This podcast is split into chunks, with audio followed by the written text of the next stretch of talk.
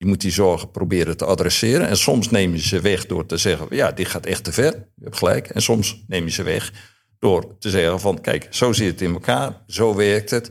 De zorg die u hebt, of die valt wel mee. En dat is natuurlijk altijd een inschatting, of die is gewoon niet aanwezig.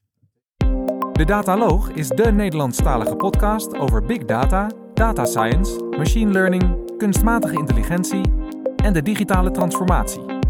Luister naar onze wekelijkse podcasts, nieuwsupdates, specials en mini-colleges.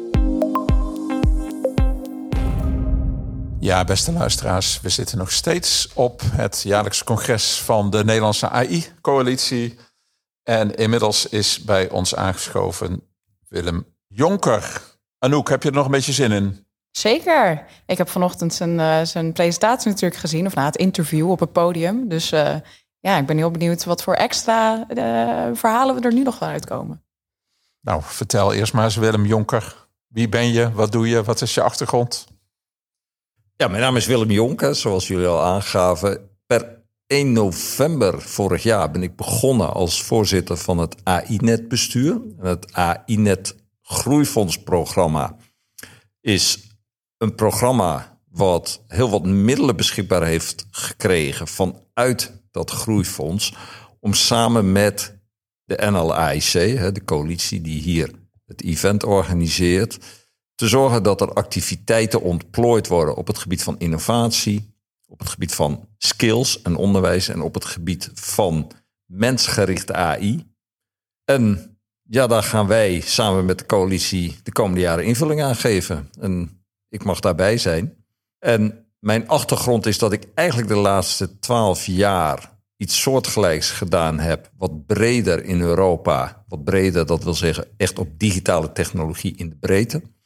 Daar ook een groot ecosysteem heb gebouwd en ook op dit soort thema's op Europees niveau aan de slag ben geweest. En hopelijk de nodige ervaring meebreng om ook in Nederland voor de AI-community het nodige te kunnen betekenen en ja, Nederland op een hoger plan te brengen. En kun je ons beschrijven hoe een gemiddelde werkdag voor jou eruit ziet? Oh, dat is interessant. Ik moet zeggen dat dat heel erg veranderd is door COVID. Dus voor COVID was een gemiddelde werkdag voor mij in een vliegtuig zitten, in een hotel uh, slapen en heel Europa doorcrossen. Door COVID kwam dat opeens stil te liggen. En eigenlijk als ik nu kijk, zit ik heel erg in een hybride mode. Dus ik doe naast AI-net ook nog een, uh, een, uh, een, stukje werk voor de Europese Commissie. Eigenlijk in het verlengde van wat ik gedaan heb. En daarnaast heb ik nog een deeltijdpositie als uh, hoogleraar aan Universiteit Twente. Ja, en het is eigenlijk een combinatie van fysiek aanwezig zijn bij meetings en ja, veel toch wel merk je online. Geef je colleges aan de Universiteit van Twente? Ik, ik, geef een college. Ik geef een college Secure Data Management. En dat is eigenlijk ook een van de onderwerpen die daarin voorkomt. Is hoe kun je op een veilige wijze gegevens met elkaar combineren en daar conclusies uittrekken. En dat is eigenlijk een thema wat je hier ook redelijk uh, aan de orde ziet komen. Waarbij multiparty computation gebruikt wordt, homomorphic encryption. En dan vervolgens machine learning algoritmes op een gedistribueerde infrastructuur daarop gedraaid worden. Die twee ingewikkelde termen voor machine learning, ja. die mag je even uitleggen aan de luisteraars. multiparty computation, dat is eigenlijk een, een, een techniek om bepaalde berekeningen uit kunt voeren zonder dat je alle benodigde data daarvoor hebt. En ja, de manier waarop dat gedaan wordt is om die berekening een beetje te verdelen over een aantal partijen. Wij zitten hier met z'n drieën, dus we doen alle drie een deel van die berekening. En daardoor hebben we niet het totale zicht erop. En we hebben dan een bepaalde manier om dat handig te combineren, waardoor we het eindresultaat wel weten, zonder dat we eigenlijk het totaal gezien hebben. Multiparty, hè, wij met z'n drieën. En dan die computation, dat is de algoritmiek.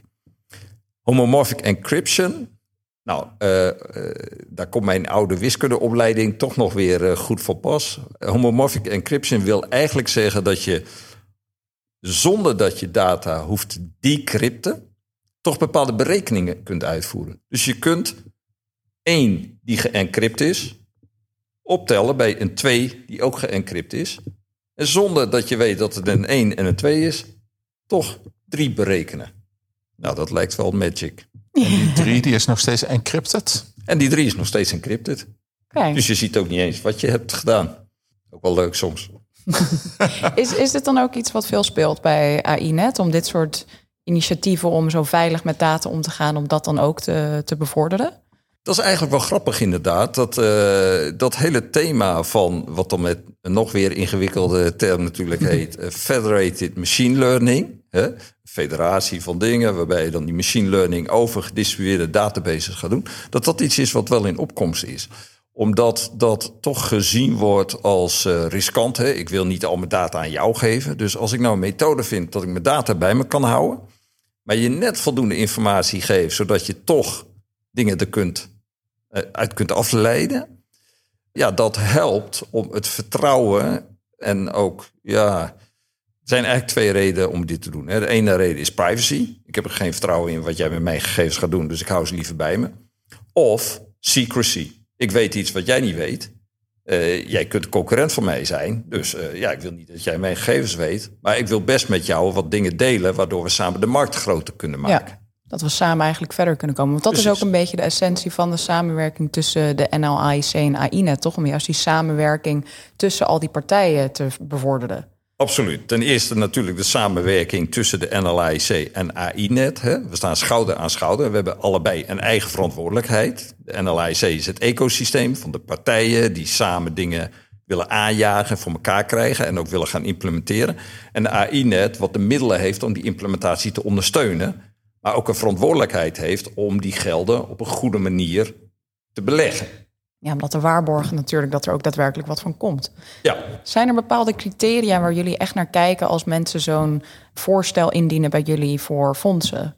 Ja, en dat hangt natuurlijk een beetje af van welke voorstellen het gaat. Hè. Dus we hebben voorstellen op het gebied van innovatie.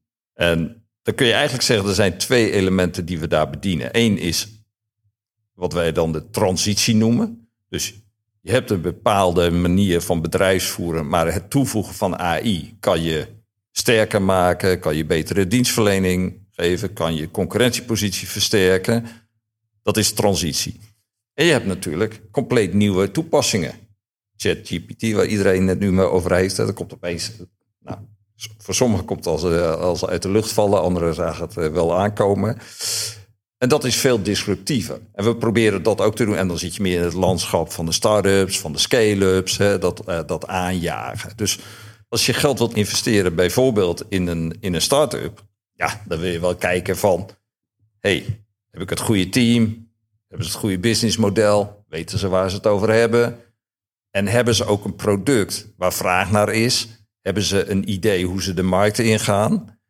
Hoe zit het met de competitie? Kortom, dat zijn allemaal vragen waar je naar kijkt voordat je daar geld in gaat steken. Ja. Stel, eh, want we hebben heel veel luisteraars als eh, dataloog. Eh, stel, er zit nu iemand te luisteren die zegt... nou, ik heb een briljante idee en ik vind wel dat dat gefund mag worden door AI-net. Wat moet hij of zij doen? kan sowieso contact opnemen. Dat wil niet zeggen dat wij als bestuur persoonlijk zeg maar, al die fondsen gaan eh, uitdelen. Maar we zijn er altijd, de deur staat altijd open om je te helpen hoe wij kunnen helpen. De manier waarop het georganiseerd is, dat het via calls gaat. Dus op gezette tijden openen wij calls en zeggen we, als je goede voorstellen hebt, dien ze in voor die deadline. Die calls die worden dan geëvalueerd. Ja, en dan win je of verlies je. Oké, maar dat gaat op papier via een soort tenderprocedure. Of weet- ik weet Ja, niet ik dat, het moet dat, noemen, eh, nou ja, dat hangt een beetje van, eh, eh, van het instrument af. Hè. Dus we hebben bepaalde instrumenten die we ook in samenwerking bijvoorbeeld met NWO doen. En ja, NWO heeft een hele machinerie om dat goed te organiseren. Daar zitten wij verder niet, niet tussen. Maar we hebben ook delen waarbij we gewoon, ja, nou, hoorzittingen is misschien niet het juiste woord, hè, maar toch echt ook eh, het verhaal laten uitleggen. We zijn bijvoorbeeld op dit moment met eh, doorbraakprojecten bezig, waar we uiteindelijk één groot doorbraakproject willen gaan financieren. Waar we op dit moment in een voorfase zitten, waar er drie proof of concept projecten lopen. En dat, dat is veel intensievere begeleiding van ons uit. In de selectie, in, in de feedback, in de coaching. Maar ook uiteindelijk natuurlijk in de keuze van ja, wie van de drie. Is dat dan ook iets wat het programma van AINet uniek maakt? Of zijn er nog andere componenten waarvan je zegt van nou dit is nou echt iets wat wij uniek doen als AINet? Nou, ik denk wat, wat wel redelijk uniek is, is de mensgerichte aanpak. En dat klinkt natuurlijk een beetje vaag. Uh, maar dat, dat, dat vindt wel zijn weerslag in hele concrete instrumenten. De ELSA Labs zijn daar heel erg belangrijk in.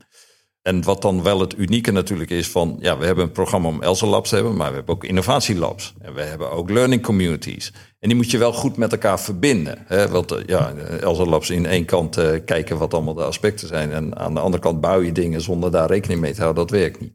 Dus die verbinding brengen, dat is heel erg belangrijk voor ons. Is dat uniek dingen verbinden? Dat denk ik niet. Er zijn wel meer mensen die dat uh, doen. Die mensgerichtheid heel centraal zetten en de mate waarin wij dat doen.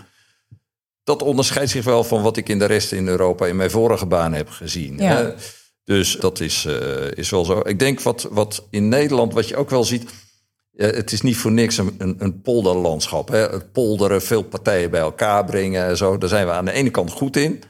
Tegelijkertijd remt ons dat ook wel eens. Hè? Dat ik van ja, maar iedereen moet eigenlijk wel. En ik denk dat je daar op twee manieren naar moet kijken. Dat AI, daar krijgt iedereen mee te maken. Want dat, dat, uh, een, een, dat, dat zal in alle aspecten van, van de samenleving zal dat doorcijpelen. Dus dat stuk, daar moet iedereen ook bij betrokken zijn. Maar niet iedereen gaat een AI-bedrijf oprichten. Nee. Dus dat stuk van het programma kun je wel degelijk zeggen van hé, maar daar gaan we toch heel selectief zijn in de partij die we gaan ondersteunen. We gaan niet iedereen in Nederland ondersteunen om zijn eigen AI-bedrijf op te zetten. Dat is ook niet realistisch. Dus, en daar moet je een goede balans tussen vinden. En voor ons zal de kunst zijn om te zorgen dat het stuk wat zich bezighoudt met wat, wat, wat is de impact, skills ook. Hè? Skills, dat moet je breed uitrollen. Dat is een andere tak van sport dan een bedrijf bouwen. Daar moet je focus hebben, geconcentreerd zijn en je investering achter plaatsen. Ja. En kun je nog eens uitleggen, je zei net in een bijzin mensgerichte AI. Wat, wat bedoel je daar precies mee? Mensgerichte AI, voor mij persoonlijk, maar ook voor het programma, betekent dat je op zoek bent naar toepassingen van AI die AI for the good in slecht Nederlands.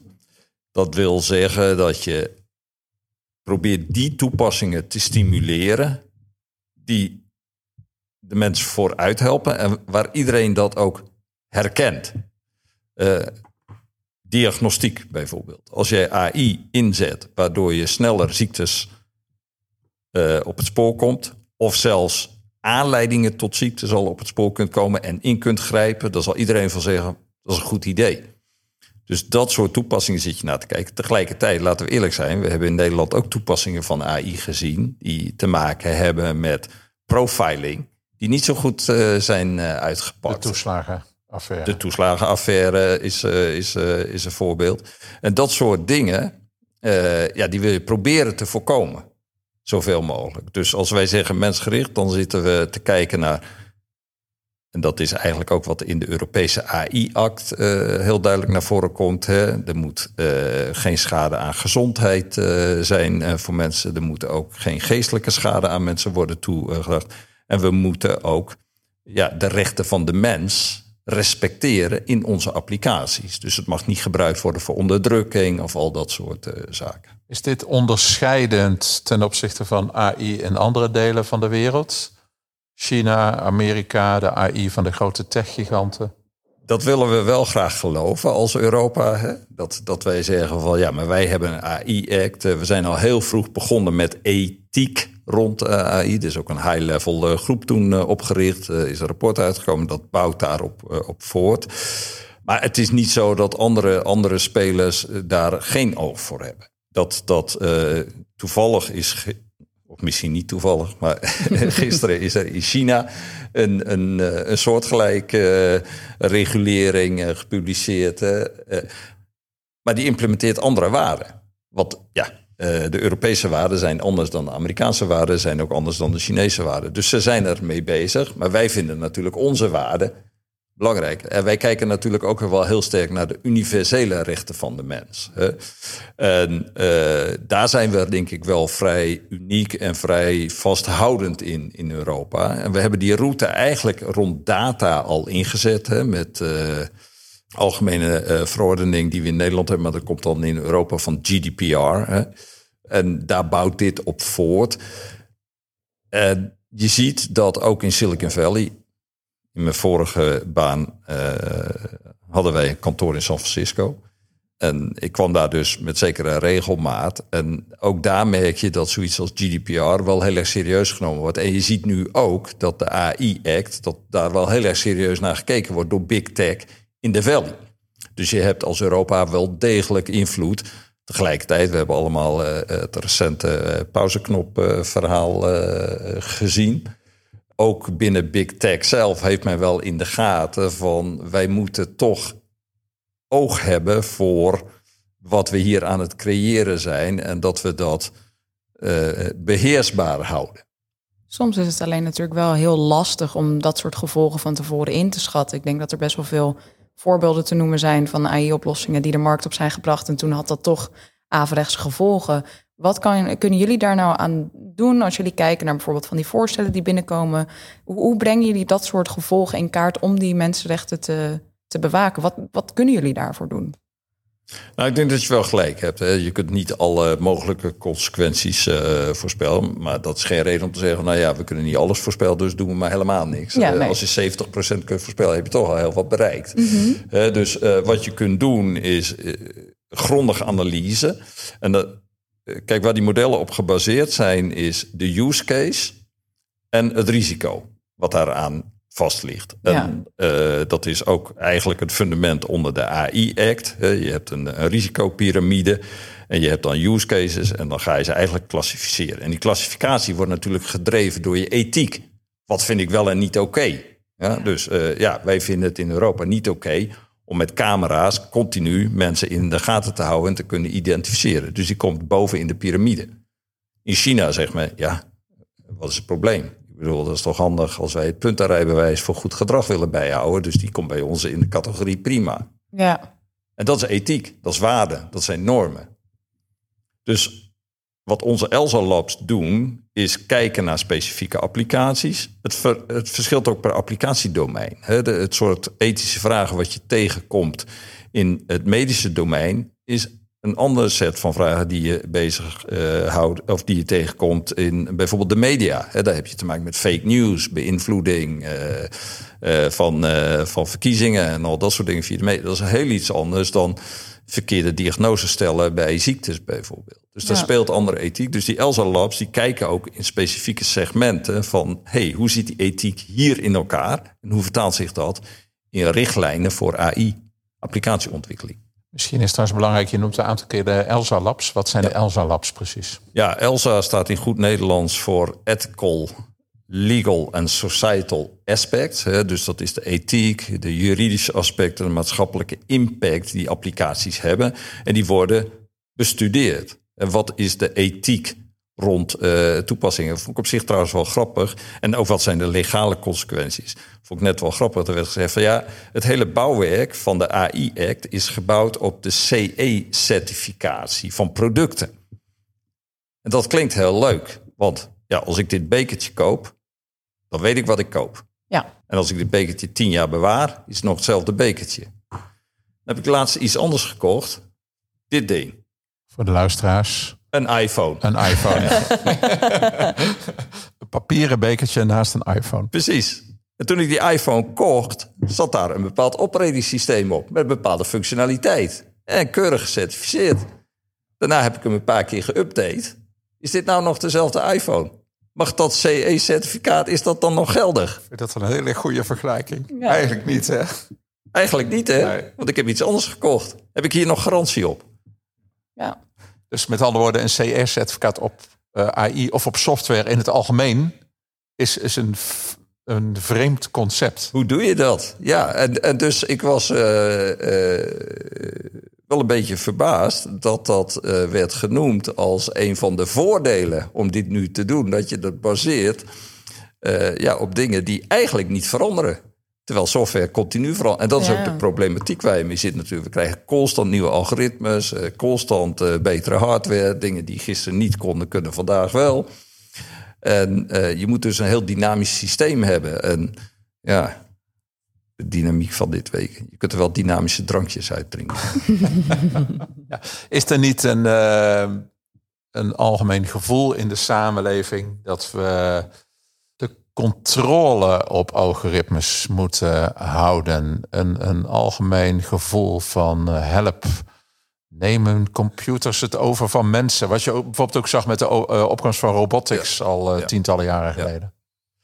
Nou, dat, dat gevoel is er. Hè? Ik bedoel, dat, dat is ontegenzeggelijk. Eh, het congres begon met een, eh, een filmpje wat eh, in mijn geliefde stad Groningen was opgenomen. En daar uiten mensen die zorgen. Dus die zorgen zijn reëel. En daar moet ook iets mee gedaan worden. En ik denk dat het ook te makkelijk is om te zeggen van... ja, maar innovatie heeft altijd weerstand, daar moet je maar aan wennen. En eh, vroeger waren mensen ook bezorgd enzovoort. Ik denk dat je het serieus moet nemen, want zorgen zijn ook in het verleden soms vertaald in eh, regelgeving. dus eh, we hebben heel veel zorgen gehad over genetische manipulatie van voedsel. Nou, daar hebben we uiteindelijk gezegd van, ja, willen we hier niet bijvoorbeeld. Dus die zorgen zijn terecht. Ze moeten niet gedreven zijn door angst. Angst is een slechte raadgever. Dus eh, je moet de zorgen serieus nemen. Je moet ze analyseren. Je moet ook niet tegen mensen zeggen: U moet niet bezorgd zijn, komt allemaal wel goed. Je moet die zorgen proberen te adresseren. En soms neem je ze weg door te zeggen: Ja, dit gaat echt te ver. Je hebt gelijk. En soms neem je ze weg door te zeggen: van, Kijk, zo zit het in elkaar. Zo werkt het. De zorg die u hebt, of die valt wel mee. En dat is natuurlijk altijd een inschatting. Of die is gewoon niet aanwezig. Betekent dat voor jou eh, dat een algoritme, dat is een beetje een modeterm, explainable AI, betekent dat ieder AI-algoritme uitlegbaar moet zijn voor Jan met de pet? Moeilijke vraag in alle eerlijkheid. Want we hebben het hier over vertrouwen. En hoe bouwt vertrouwen zich op? Ja, heb je vertrouwen in je tandarts? Ja. Ja, want die zit toch in je gebit eh, te wroeten.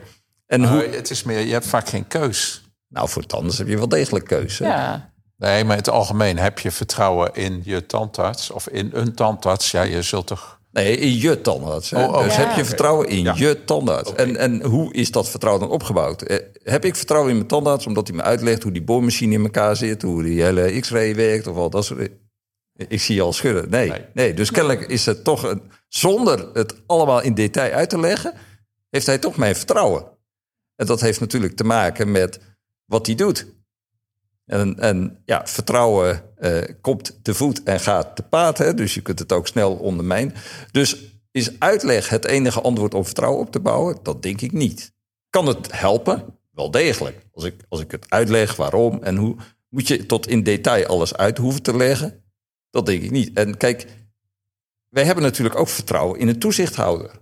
Want wij gaan niet zelf al die applicaties doen. Dus, dus vertrouwen is heel erg belangrijk. En het is dus heel erg belangrijk dat de partijen die dat vertrouwen in stand moeten houden, dat die dat ook doen. En ja, daar zie je natuurlijk, doordat de overheid toch ja, wel wat gevalletjes heeft gehad waar het niet helemaal goed is gelopen, dat dat vertrouwen wordt, ja, dat, dat gaat te paard. En dat, eh, dus de overheid moet heel zorgvuldig met dat vertrouwen omgaan. Ik denk dat dat wel heel belangrijk is voor een maatschappij. Als dat wegvalt, ja, wie vertrouw je dan nog? Eh, Dus, en dat hoeft niet alleen uitleg te zijn. Dus dat heeft met autoriteit te maken, met gezag, eh, maar ook willen uitleggen, soms als het nodig is.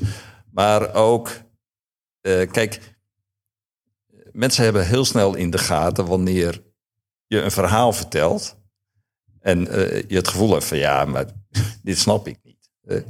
Dus en eh, je moet mensen daarin absoluut niet onderschatten. Dus ik denk dat dat hele vertrouwen, en dat, dat werd ook in dat verhaal gezegd, hè, van trust. En dat heeft voor een deel met uitleg te maken, maar het is, er zijn ook andere middelen om dat goed voor, eh, voor elkaar te krijgen. Dus je hoeft niet alles altijd uit te leggen. Ik zit hier naar, te- naar de tijd te kijken en die we gaat gaan heel langs, snel Maar dit eh, zijn wel wijze lessen. Ik denk dat Ja. we je nog een keer gaan uitnodigen voor data, de datalog. Mag dat? Je mag me zeker een keer uitnodigen. Tot nu toe vond je het en, als we een leuke locatie kunnen vinden... in het Forum in Groningen bijvoorbeeld... dan lijkt me dat wel. heel leuk. Ja. Is er misschien nog één ding eh, wat je als laatste gedachte nog wilt delen over dit onderwerp? Ik denk wat eh, heel belangrijk is voor mij... eh, is dat we, dat we dus echt zorgen als Europa... dat we goede AI-spelers op de kaart gaan zetten. Want we hadden het net bij de vergelijking met de tandarts al even over. Toen viel het woord keuze. En eh, er is een grote discussie over. Ja, er zijn monopolisten en, en eh, ja, eh, grote platformen domineren alles. Dus de enige manier om dat te doorbreken is alternatieven op tafel leggen. Ik geloof er niet in dat de enige manier door dat te ontbreken is om heel veel regulering en wetgeving en, en zo. Want wetten hebben ook hun limieten. Die zijn, eh, hè, we hebben heel veel wetten over criminaliteit. Hebben we geen criminelen meer? Ja, Dus- nee, dus- zo werkt het niet, helaas. Zo werkt het niet, helaas. Dus, dus je moet alternatieven, je moet keuzes eh, neerzetten. Dus Europa moet wel degelijk aan de bak en Nederland moet wel degelijk aan de bak om te zeggen, om te zorgen dat wij een goede AI-industrie bouwen en dat we oplossingen brengen. Ja. En dan kunnen mensen kiezen. En die oplossingen die willen we zo brengen dat die de Europese normen en waarden implementeren. Zodat je een keuze hebt om het goed te doen. Ja. En dat sommigen dan kiezen voor alternatieven. Ook die ruimte moet er zijn. En natuurlijk, als iemand zo'n geweldige oplossing heeft, dan kan dat wellicht gefund worden via het AI-net. Dus eh, hè, mocht iemand luisteren die denkt van, nou, ik heb hier toch een geweldig idee, Meld je. meld je. Check even de calls die openstaan van AI-net, of er iets is. En jullie zijn te vinden via de website www. Ja, via onze website zijn we eh, te vinden. En eh, wacht niet op de calls. Hè. Eh, Ja. En ook, eh, we hebben natuurlijk eh, de NLIC met eh, de hubs, de AI-hubs in de regio's. Dus eh, ga naar hun toe. Ze helpen je verder en eh, ze brengen bij ons. wil niet zeggen dat we het altijd kunnen honoreren, want we draaien calls in niet. competitie. Maar kom naar ons toe en we proberen je te helpen, linksom of rechtsom. Hartstikke goed. Dankjewel Willem. Graag gedaan. Bedankt voor het luisteren naar deze uitzending van de Dataloog. Vond je onze podcast leuk, goed, interessant of wellicht te veel ene en nullen? Laat een review achter of geef thumbs up. Heb je vragen of opmerkingen? Kijk dan ook eens op www.dedataloog.nl. Hier staan ook de show notes van alle uitzendingen. Je vindt onze nieuwe uitzendingen wekelijks op iTunes, Stitcher, Spotify en alle andere bekende podcastplatforms. Alles wat wij maken doen we onder Creative Commons. Je mag alles hergebruiken voor niet-commerciële doeleinden, zolang je ons als bron maar noemt. Volg ons op Twitter op @dedataloog. Graag tot de volgende keer.